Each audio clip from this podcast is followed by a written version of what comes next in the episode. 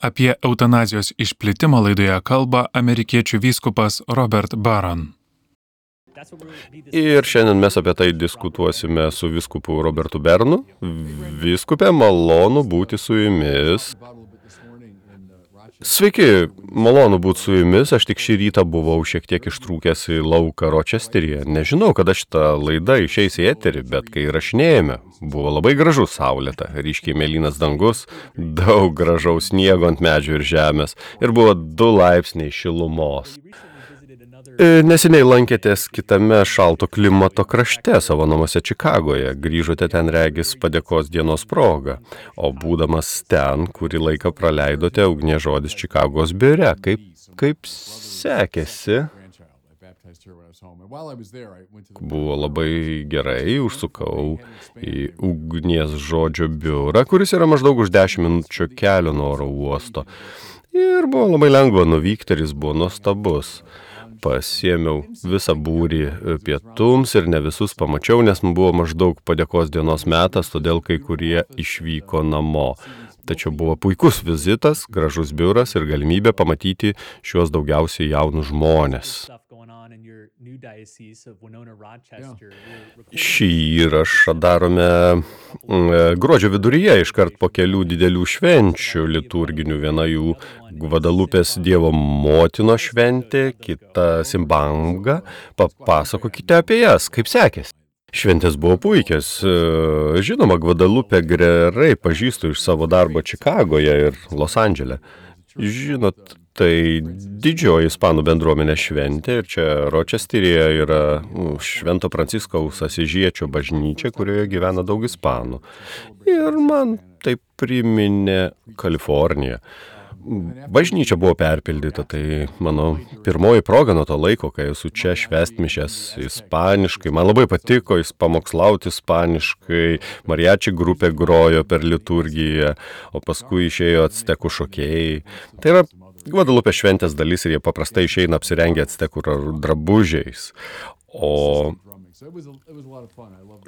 Iš tikrųjų buvo gerai, nuostabus būgnus, muzikavimas ir mm, man tai yra tikrai Simbamba B yra didžioji filipiniečių bendruomenės kalėdų šventė. Jo, tai vyksta Čikagoje, Los Andželė ir tai didžiausia šventė, kurią man teko matyti. Tai į katedrą susirenka apie keturis tūkstančių žmonių, tai didžioji filipiniečių kalėdų šventė, todėl mes ją surengėme čia Ročesteryje, kurie buvau išventintas. Taigi tai buvo tiesiog džiaugsmas.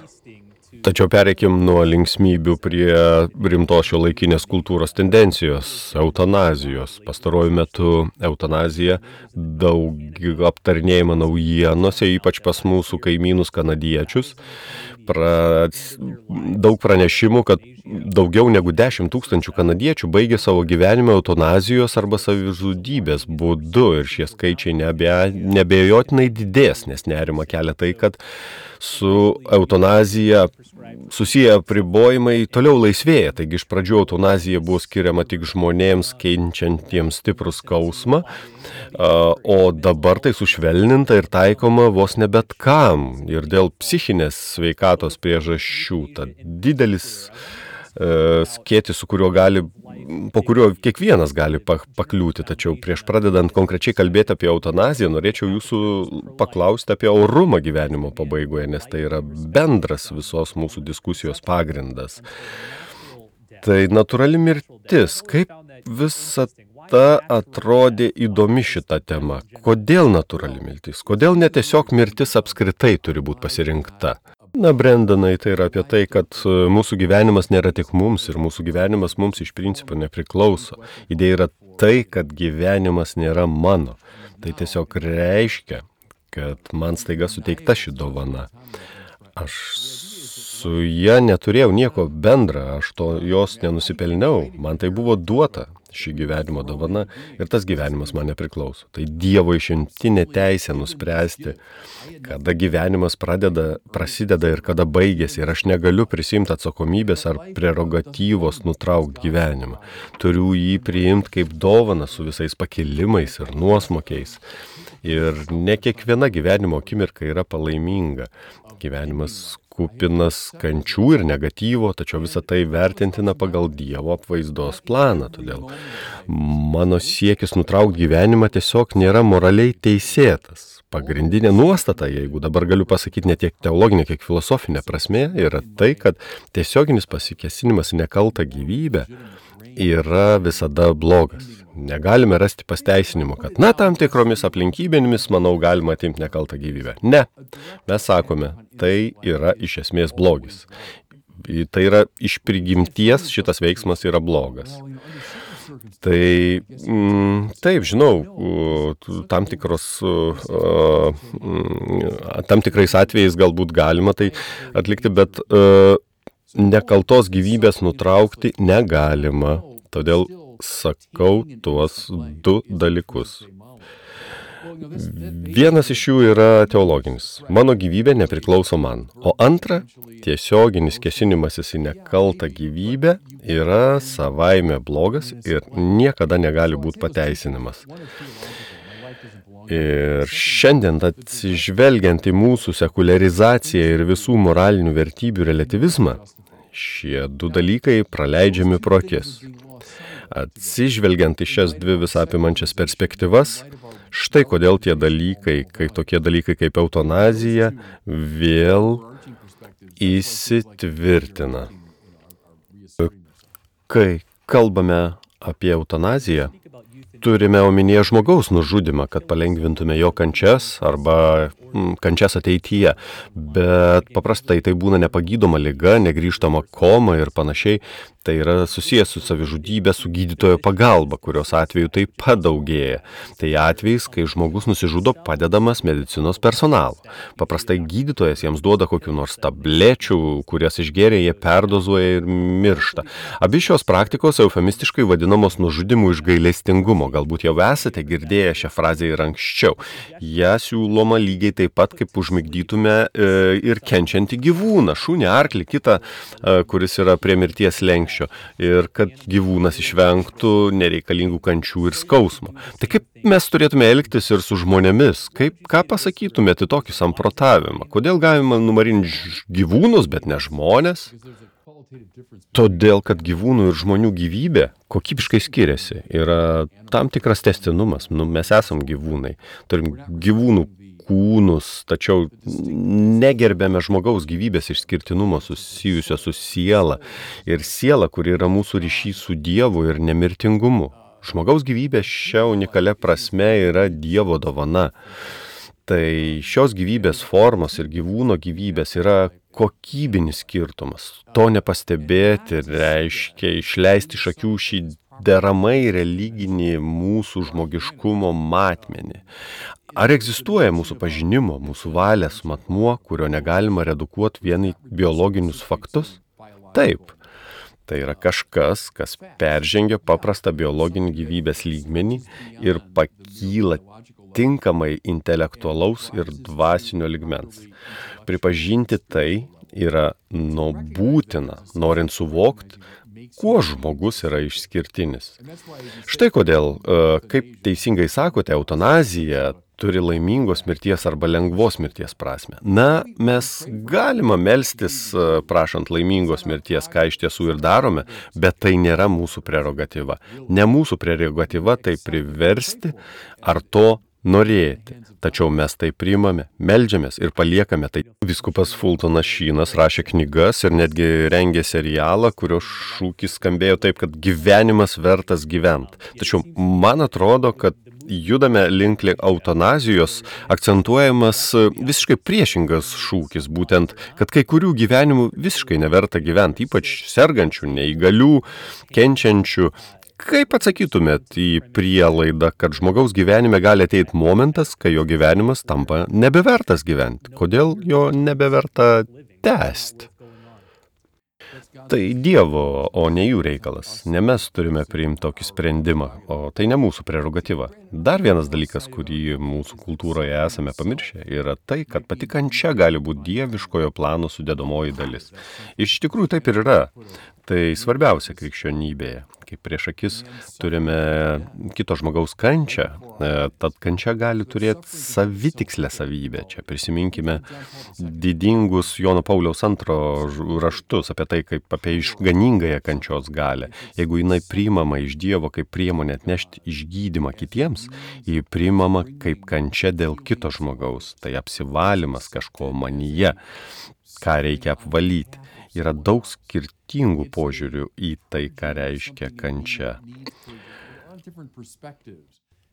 Tačiau jei iš šios savokos ištrauksite Dievą ir tai bus tiesiog mano kaip gyvūno gyvybės klausimas, tai sakysite gerai, na, aš kenčiu šį baisų skausmą. Tam nėra jokios prasmės, tiesiog užbaigim tai. Vėlgi, gal ir dėrėtų taip kalbėti apie šunį, bet apie žmogų taip kalbėti nedėrėtų. Ypač jei gyvenimą žvelgiate iš dieviškosios perspektyvos. Gyvenimas su visais jo pakilimais ir nuosmukiais, su jo šviesa ir tamsa, visa ta tam tikra prasme yra Dievo dovana. Kas atsitinka su mūsų kančia? Kas atsitinka, kai savo kančią atiduodame į Dievo rankas? Mes siūlome ją Dievui kaip tam tikrą dovaną. Didžiosios krikščioniškos tradicijos įstikinimų tai turi išganomą į poveikį savo ir kitiems. Tai paslaptinga dinamika. Tai, kad mano kančia kantriai pagimdyta ir paukota Dievui gali palengvinti kieno nors kito kančią. Ir taip yra dėl mistinio Kristaus kūno narių tarpusavio ryšių. Jei sakau, viešpatė, priimk mano kančią, kaip būdą palengvinti kieno nors kito kančią. Vėlgi, neprašykit manęs išsamei paaiškinti, kaip tai vyksta. Aš negaliu. Bet tai gilus mūsų įstikinimas, pagrystas Jėzaus kryžiumi, pagal kurį jo kančia palengvina mūsų kančią, žinote, fizinė ir dvasinė. Taigi dvasinės perspektyvos susigražinimas padeda mums išvengti žmogaus gyvybės sumenkinimo tiesiog iki gyvūno lygio, kas atveria duris eutanazijai. Manau, kad kovojant su eutanazijos plitimu yra svarbus kenčiančių žmonių liudijimas. Jūs pabrėžėt Jono Pauliaus antrojo raštus, bet aš manau, kad jo gyvenimas liudija didvyriškos kančios vertę, ypač paskutiniai penki arba dešimt jo gyvenimo metų. O tai be abejo teisingai. Jis pasižymė tą didžiąją vertybę, kad ne tik apie ką nors rašo, bet ir parodo mums savo gyvenimu. Turiu omenyje, kad jis suprato visą tai. Kardinolas Harvey, kuris vis dar gyvena Romoje, buvo Jono Pauliaus antrojo popiežiaus namų ūkio vadovas. Taigi jis buvo atsakingas už visą liturginę veiklą jo namuose, jis gerai jį pažinojo ir labai dažnai jaudinančiai pasakoja apie tai, ką, reiškia, ką tai reiškia paties Jono Pauliaus gyvenime ir kokią įtaką darė įsupantiems žmonėms. Noriu pakalbėti apie eutanazijos ir savižudybės su gydytojo pagalba taikymo plėtrą. Porą kartų minėjau, kad daugelį metų tai pakipdavo antrame plane su labai ribotų taikymų. Eutanazija buvo atlikta gal kelioms dešimtims žmonių. Dabar žmonių, kurie atitinka reikalavimus arba kurie siekia eutanazijos arba savižudybės su pagalba, spar, skaičius sparčiai auga. Pateiksiu Jums keletą statistinių duomenų. Niderlandų vyriausybės atlikto tyrimo metu buvo stebimi per 8 tūkstančiai pacientų, kurie mirė sąmoningai perdozavę nuskausminamųjų vaistų. Ir jiems buvo skirti jie specialiai tam, kad nutrauktų jų gyvenimą, o ne malšintų skausmą.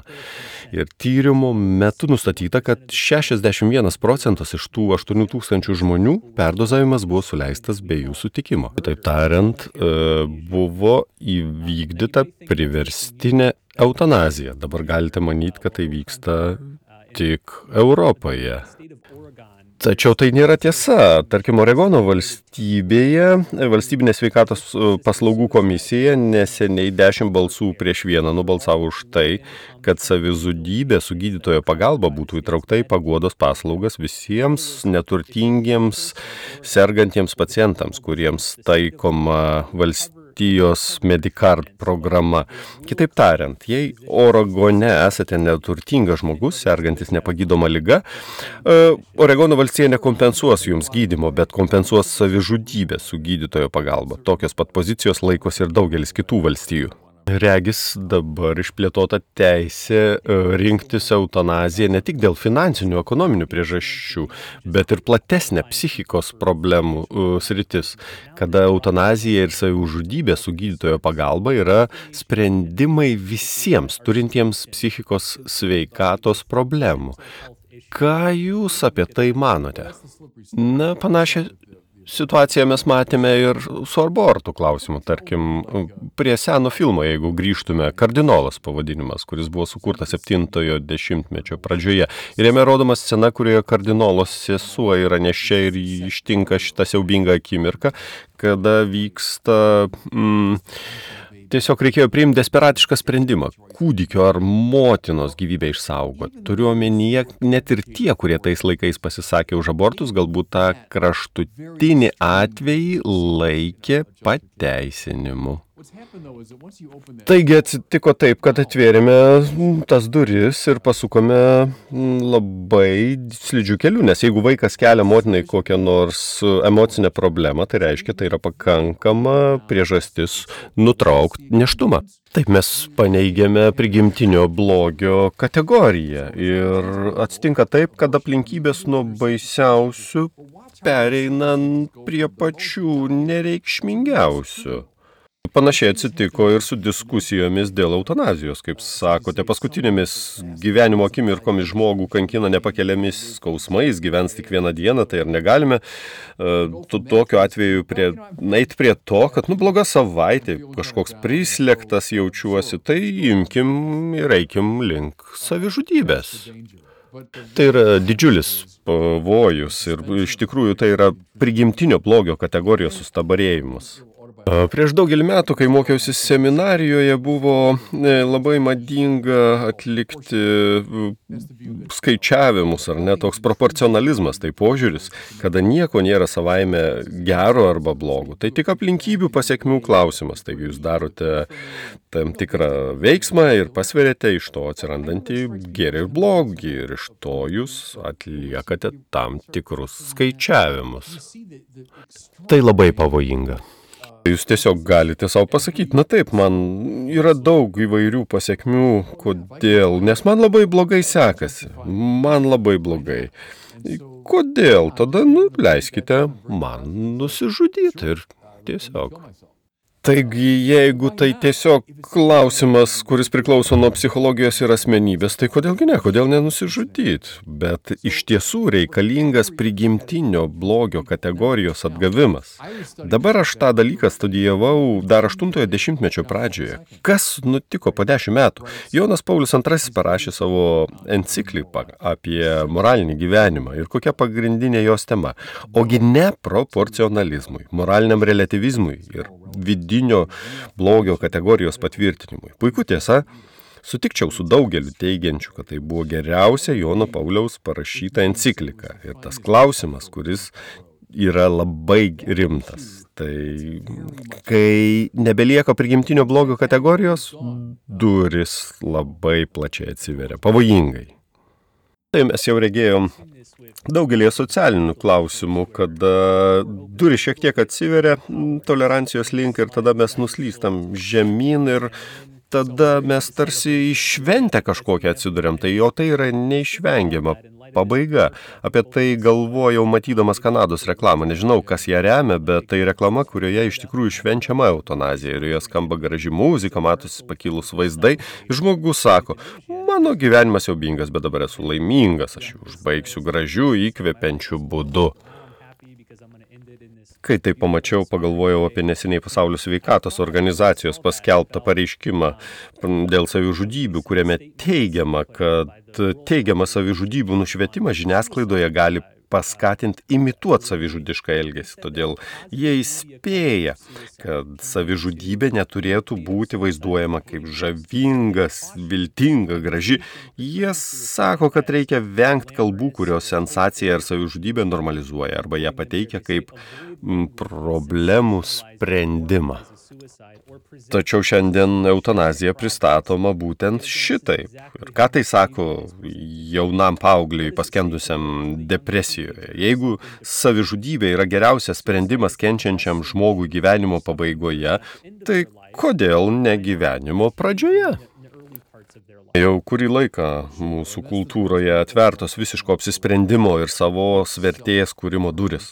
Aš pats nustatau savo gyvenimo prasme visomis prasmėmis, ar ne? Tai kodėl aš negaliu nusistatyti savo mirties laiko? Dalies dėl to esame kalti ir mes patys, nes taip išreiškėme savo požiūrį į dalykus, į gyvenimą. Mes leidom kultūrai taip įvairiai mus pozicionuoti Ir tai yra vienas iš tų tokių pavyzdžių. Tačiau bažnyčios turi stot ir labai aiškiai pasakyti ir sutrukdyti šitam verslui.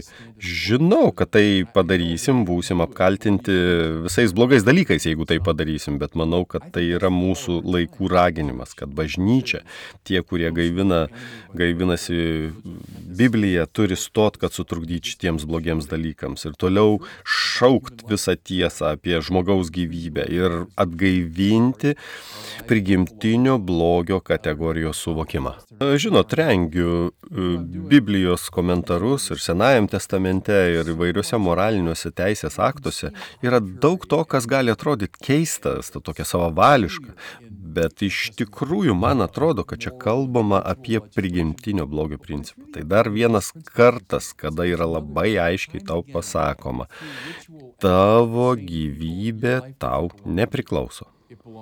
Ji priklauso Dievui, ją reikia atiduoti Dievui, ji atėjo kaip dovana, ją reikia švęsti kaip dovana ir ji turi būti gražinta kaip dievan, dovana Dievui jo laiku, jo būdu ir pagal jo tikslus.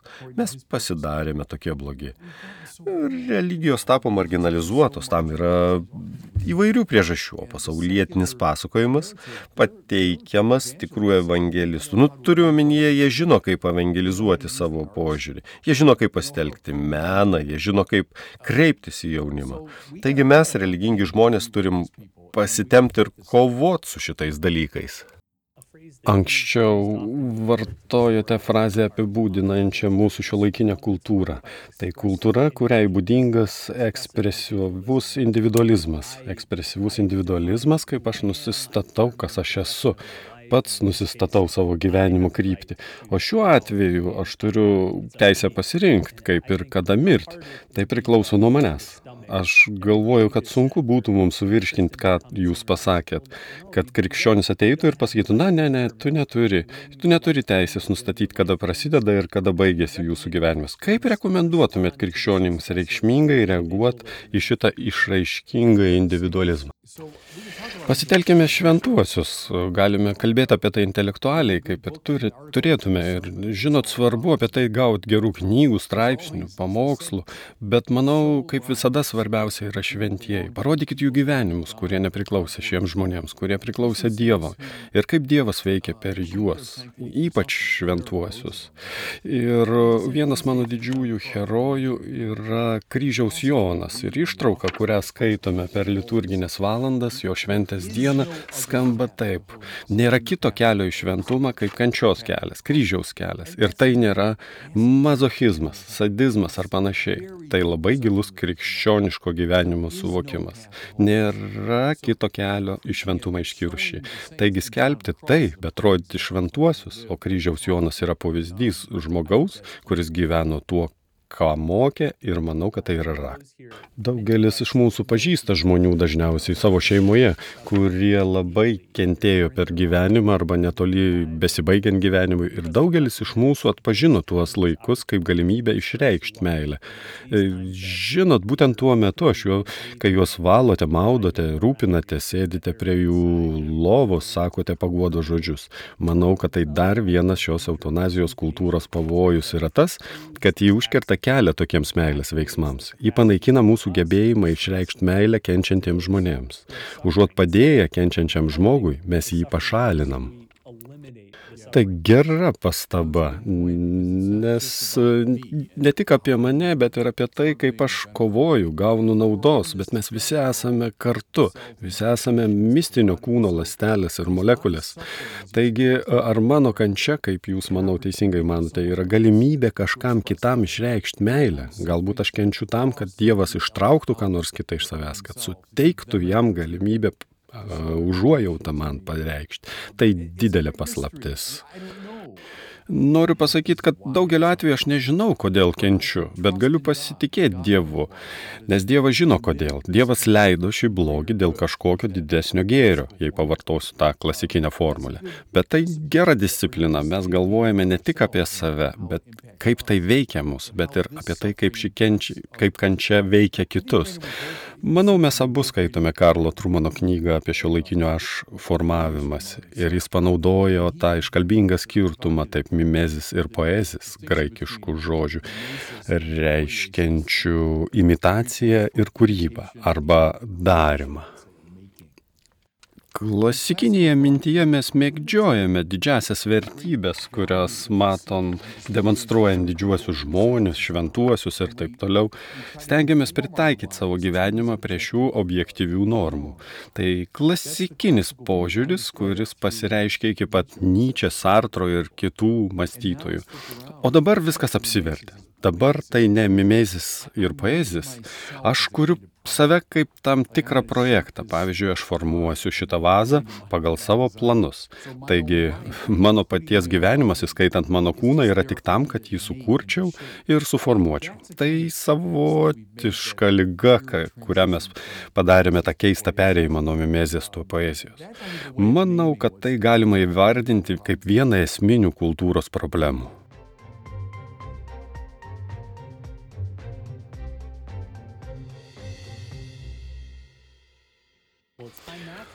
Dabar atėjo laikas vieno iš mūsų klausytojų klausimui. Kiekviename epizode užduodame po vieną klausimą, į kurį atsako vyskupas Beronas.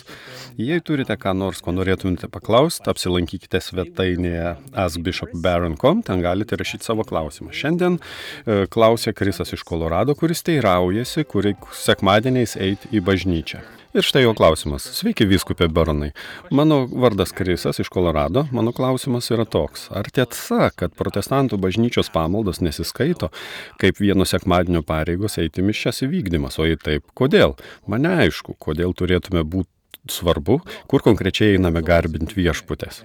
Malda yra visada geras dalykas. Esu klausęsis Billy Grahamo pamokslų ir Charleso Steinlio pamokslų, kurie man buvo naudingi, todėl neneigiu, kad tokiais būdais gali būti teikiama didelė malonė. Bet jei esate katalikas, yra Dievo duotas būdas mums jį garbinti. Dievas mums nurodė, štai aš noriu, kad mane garbintų. Ir taip mes būsime labiausiai įtraukti į gyvenimą, tai reiškia mišes. Nes mišios yra Jėzaus kryžiaus perteikimas uh, sakramentiniu pavydalu. Taigi per tą didžiąją auką pasaulis yra atperkamas ir mums siūlomas išganimas. Taigi tai yra teisingas kelias, nes taip mums pasakė Dievas. Dievas mums nurodė kaip būdą, kuriuo jis nori, kad jį garbintume. Štai kodėl katalikai privalo dalyvauti mišiuose. Taigi jūs galite gauti naudos iš, sakykime, krikščioniškų šaltinių, iš pamokslų, teologijos ir taip toliau, bet kai kalbam apie pamaldas, taip, aš privalau garbinti taip, kaip man liepia Dievas. Na gerai. E, jeigu ieškote geros knygos, kurią galėtumėte perskaityti per gavėnę, Turiu jums vieną. Jie ją išleido Word on Fire arba ugnies žodis. Mes jau kelis mėnesius džiaugiamės šią knygą. Ji vadinasi Kryžiaus gale didžiojo penktadienio pamokslai iš popiežiaus pamokslininkų. Ja parašė kardinolas Reniero Kantaramesa. Jei kartais nežinote kardinolo Kantalamesa, jis jau daugiau nei 40 metų yra popiežiaus pamokslininkas. Tai reiškia, kad jis yra vienintelis asmuo, kuriam leidžiama pamokslauti popiežiui. Ir šioje knygoje mes surinkome jo didžiojo penktadienio homilijas per pastaruosius 40 metų. Šias homilijas, kurios buvo sakomas dalyvaujant Jonui Pauliu II, Benediktui ir popiežiui Pranciškui. Taigi tai puikia knyga, e, kuri tinka būtent gavėniai. 40 homilijoje, taigi per kiekvieną dieną po vieną homiliją ir bus e, gerai. Žinau, kad jūs esate kardinolo Kandalamesos gerbėjas, kuris taip pat yra kapucinas. Pastaruoju metu daug kalbėjome apie kapucinus. Žinau, kad esate didelis jo gerbėjas, ar ne? E, taip esu, stebiu jį jau daug dešimtmečių. Jis dabar turėtų būti apie 80 metų amžiaus, manau. Ir ką tik popiežiaus Pranciškaus e, paskirtas kardinolu, bet jau dešimtmečius pamokslauja popiežiams. Prieš porą metų jis pamokslavo ir mums, Amerikoje. Makarikos viskupams. Turėjome tas rekolekcijas po viso Makariko reikalo ir susirinkom kartu ir manau, kad viskupams tai buvo labai stipru. O paskui jie išleido knygą, tų pamokslų rinkinį. Paskui parašiau reklaminį tekstą apie tą knygą. Aš jau seniai jo žavėjausi, džiaugiausi, kad išleidome šitos pamokslus. Taigi dar kartą kartoju, kad knyga vadinasi Kryžiaus gale didžiojo penktadienio popiežiaus pamokslininko pamokslai. Kągi, labai ačiū, kad žiūrėjote ir klausėtės ir susitiksime kitą kartą laidoje Ugnies žodis.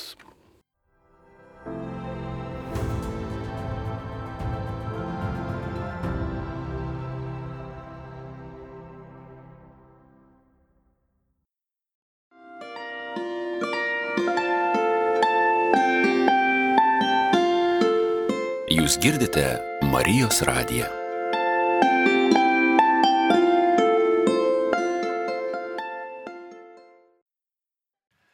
Peace be with you. Friends, our first reading for this Sunday is a little section of the marvelous story of Ramybė jums.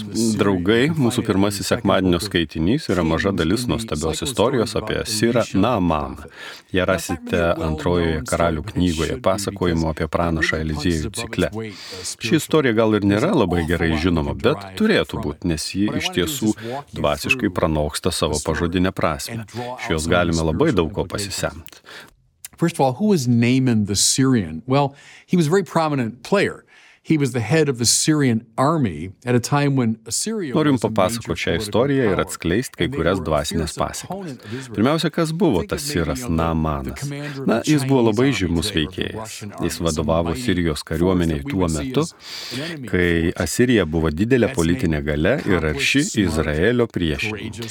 Pagalvokite, šiandien tai galbūt galėtų būti sulyginta uh, drauge su kaip ir Kinijos ir ir Rusijos kariuomenės, kokios jos tai galingos jėgos, kurią mes laikytume priešo jėga vadas, tas Namanas.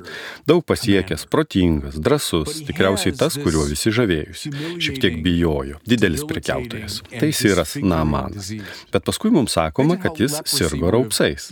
Taigi štai šis labai žymus veikėjas, ši svarbi figūra, šis žavus ir baime keliantis vadas serga žeminančią, alinančią ir bjaurę lygą.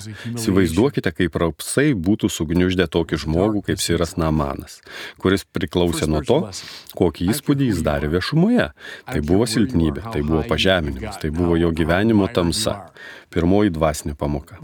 Nesvarbu, kas tu esi, nesvarbu, kur esi, kaip aukštai esi pakilęs, kaip tavimi visi žavisi. Mes visi turime raupsų. Kiekvienas turime ką nors. Tai gali būti fizinis negalavimas, tai gali būti psichologinė kova, tai gali būti obsesija, tai gali būti priklausomybė, tai gali būti sužeidimas, kurio negalime įveikti. Nežinau, kas tai yra. St. Paul called his the thorn in the flesh. I always love that. We've all got one. We've all got a thorn in the flesh. Šventasis Paulius vadino tai dygliu kūne. Man visada tai patiko. Kiekvienas turime tokį dyglį. Visi turime dyglių kūne. Yra kažkas, kas mus tiesiog vargina, kas nėra teisinga, kas norėtume, kad išnyktų. Dabar štai koks dalykas, štai kokia dvasinė pamoka. Labai dažnai kiekviena, būtent dyglys kūne, būtent raupsai, būtent mūsų silpnumas atveda mus pas Dievą. Dievas nesipriešina mūsų pasiekimams. Nesupraskite manęs neteisingai. Dievo šlovė tai visiškai gyvas žmogus, sako šventasis Irenėjus. Tačiau pati mūsų stiprybė kartais gali būti silpnybė, nes mūsų stiprybė gali mus atitraukti nuo Dievo.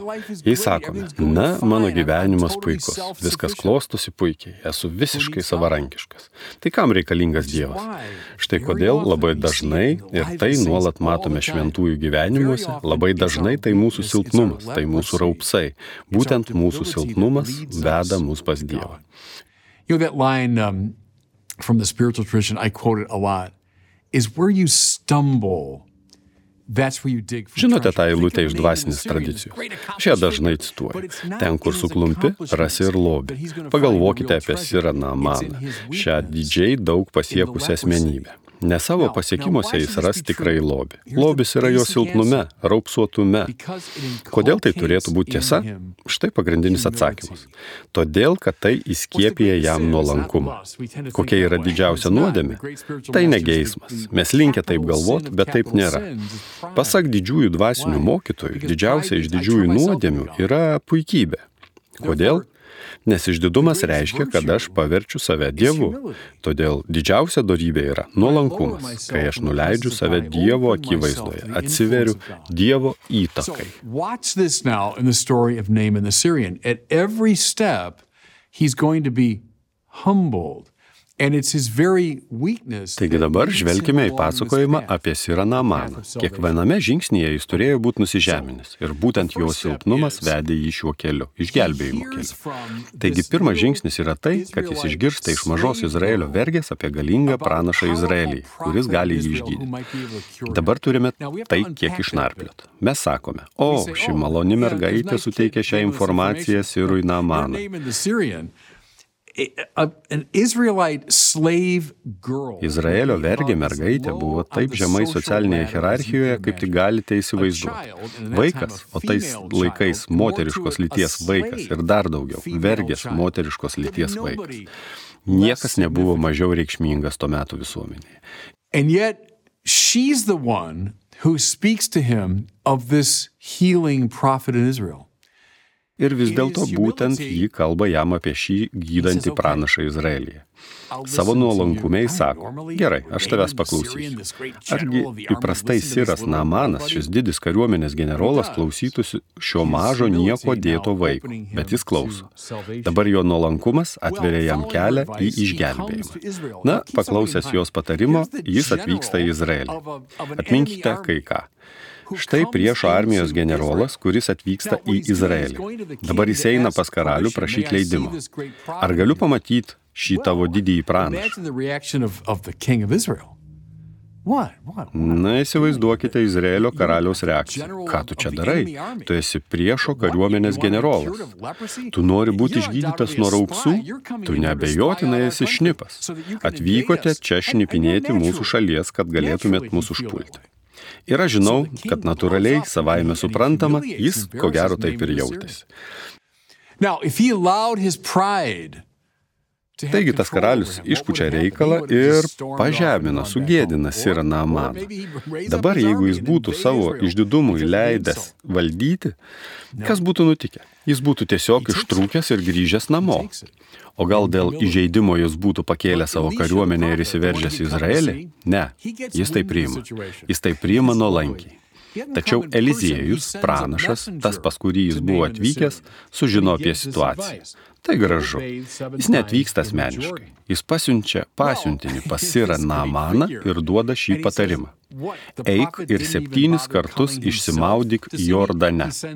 Na štai ši didinga figūra. Jis sako, ką? Pranašas net nepasivargino pats ateit pas mane. Jis siunčia pas mane tarną, o paskui liepia man, ką, eit maudytis į upę. Negi jis pats netvyktų asmeniškai ir gal uždėtų ant manęs rankas, sukalbėtų maldą, užkalbėjimą ar dar ką nors panašaus. Argi jis nežiūrėtų į mane rimčiau? Ne, jis siunčia pasiuntinį, kuris duoda jam tokį keistą nurodymą.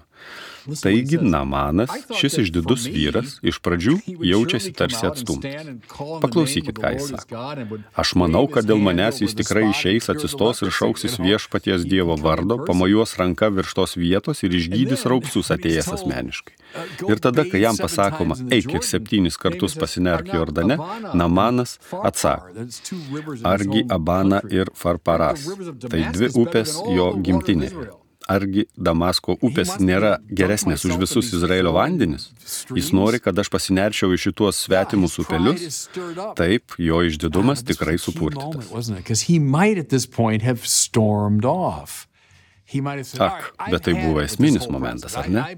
Nes šiuo momentu jis vėl galėjo pratrūkti. Jis galėjo pasakyti, Gerai, man jau nusibodo visas šis reikalas. Aš buvau nuolankus, bet dabar man gana.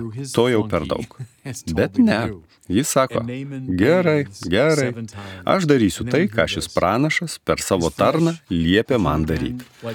Ir Namanas pasineria upėje septynis kartus. Ir tada mes išgirstame štai ką. Jo kūnas vėl pasidarė kaip vaiko kūnas ir jis buvo švarus nuo raupsų. Istorija prasideda nuo šio vyro sergančio alinančią lygą. Duris į išgydymą atveria nuolankumas. Ten, kur suklupote, ten ir ieškokite lobio. Būtent savo silpnume ir esame linkę rasti Dievą. Taigi, eidamas nuolankumo keliu ir išgyvenęs daugybę pažeminimų, jis galiausiai sutinka ir ateina pasveikti. His embarrassment, his thorn in the flesh was healed precisely through and by the quelling of his pride. Jo kančia, gėda, diglys kūne buvo išgydyti būtent per tai ir dėl to, kad jis numalšino savo puikybę ir pakluso Dievo valiai. Lengva? Man nebuvo lengva, kai tai tikrinau. Mes visi esame išdidus, visi priešinamės keliui, kurį mums atveria nuolankumas. Tačiau eidami tuo keliu, ateiname būti išgydyti. Dar žvilgsnis istorijos pabaigą. Taigi, Namanas aukština Dievą dėl savo išgydymo, o tada prašo, kad galėtų parsivežti keletą indų su izraelitų žeme atgal į savo šalį, kad galėtų garbinti į išgydžiusi Dievą jam priklausančioje žemėje. Man tiesiog patinka šitą detalę, nes išgydymas nebuvo tikslas savaime. Kad ir kaip jam baigėsi gerai, koks čia buvo tikrasis tikslas atvesti prie Dievo šlovinimo. Having been cured, having had the door open through his own suffering and through humility, Buvęs išgydytas per savo kančią ir nuolankumą atvėręs duris, jis pagaliau priejo prie tinkamo Dievo šlovinimo. Ir tai yra visų mūsų išgydymo tikslas. Iš viso dvasinio gyvenimo tikslas. Dabar tik žvilgsnis į Evangeliją, nes bažnyčia šią Namano istoriją stato lygiai grečiai su garsiuoju Evangelijos pasakojimu apie Jėzų, gydantį raupsuotusius dabar. Anuomet. Viešpačiui žengus į kaimą jį pasitinka dešimt raupsuotojų ir jie, kai buvo pratę pagal įstatymą, stovi dideliu atstumu. Jėzau, mokytojau, pasigailėk mūsų. Kodėl jie išgydomi? Tai matome čia pat. Per jų nuolankumą. Aš pats to padaryti negaliu. Aš negaliu pats savęs išgydyti. Viską, ką galiu padaryti, tai pasakyti. Jėzau, mokytojau, pasigailėk manęs. Beje, mes kartojame šių vyrų žodžius kiekvieną kartą, kai pradedame mišes ir sakome Kirija Leison, Kristė Leison, Kirija Leison. Viešpatė pasigailėk, Kristau pasigailėk, viešpatė pasigailėk. Negaliu apsivalyti, kad galėčiau ateiti į Dievo akivaizdą, bet nuolankiai galiu šauktis Jo ir Jis gali mane išgydyti. A Samaritan Ir kaip tai gražu. Žinoma, jis išgydo visus dešimt. Ir jie šiek tiek panašus į Namaną iš Sirijos. Tačiau tik vienas grįžta padėkoti. O kas yra dėkojimas? Tai dar viena nuolankumo išraiška. Jei esi išgydytas nuo raupsų, gali pasakyti, ei, kaip nuostabu, koks puikus dalykas. O tada išeini gyventi likusio gyvenimo. Ne, ne. Tolesnė nuolankumo pozicija yra dėkungumu pripažinti tą, kuris atnešė man išgydymą. What's your leprosy? We've all got it. Every one of us. I Taigi kokia jūsų raupsų lyga? Mes visi ją turime. Kiekvienas iš mūsų. Aš tai žinau. Visi, kurie dabar manęs klausotės, turite kažką savyje. Man nerūpi, kokie puikūs esate pasaulio akise. Man nesvarbu, kiek daug pasiekite. Jumise yra kažkas, kas jūs graužia, kas jūs vargina, neramina. Jūsų kūne yra diglys. Name it. Know it. And then Kas tai? Kas tai? Įvardykite tai, sužinokite tai, o tada iškaskite ten lobį, nes tai gali būti būtent ta kančia, kuri atves jūs į nuolankumo kelią, kuris vienintelis veda į dvasinį išgydymą. Dievas jūs te laimina. Girdėjote laidą, kurioje kalbėjo amerikiečių vyskupas Robert Baran.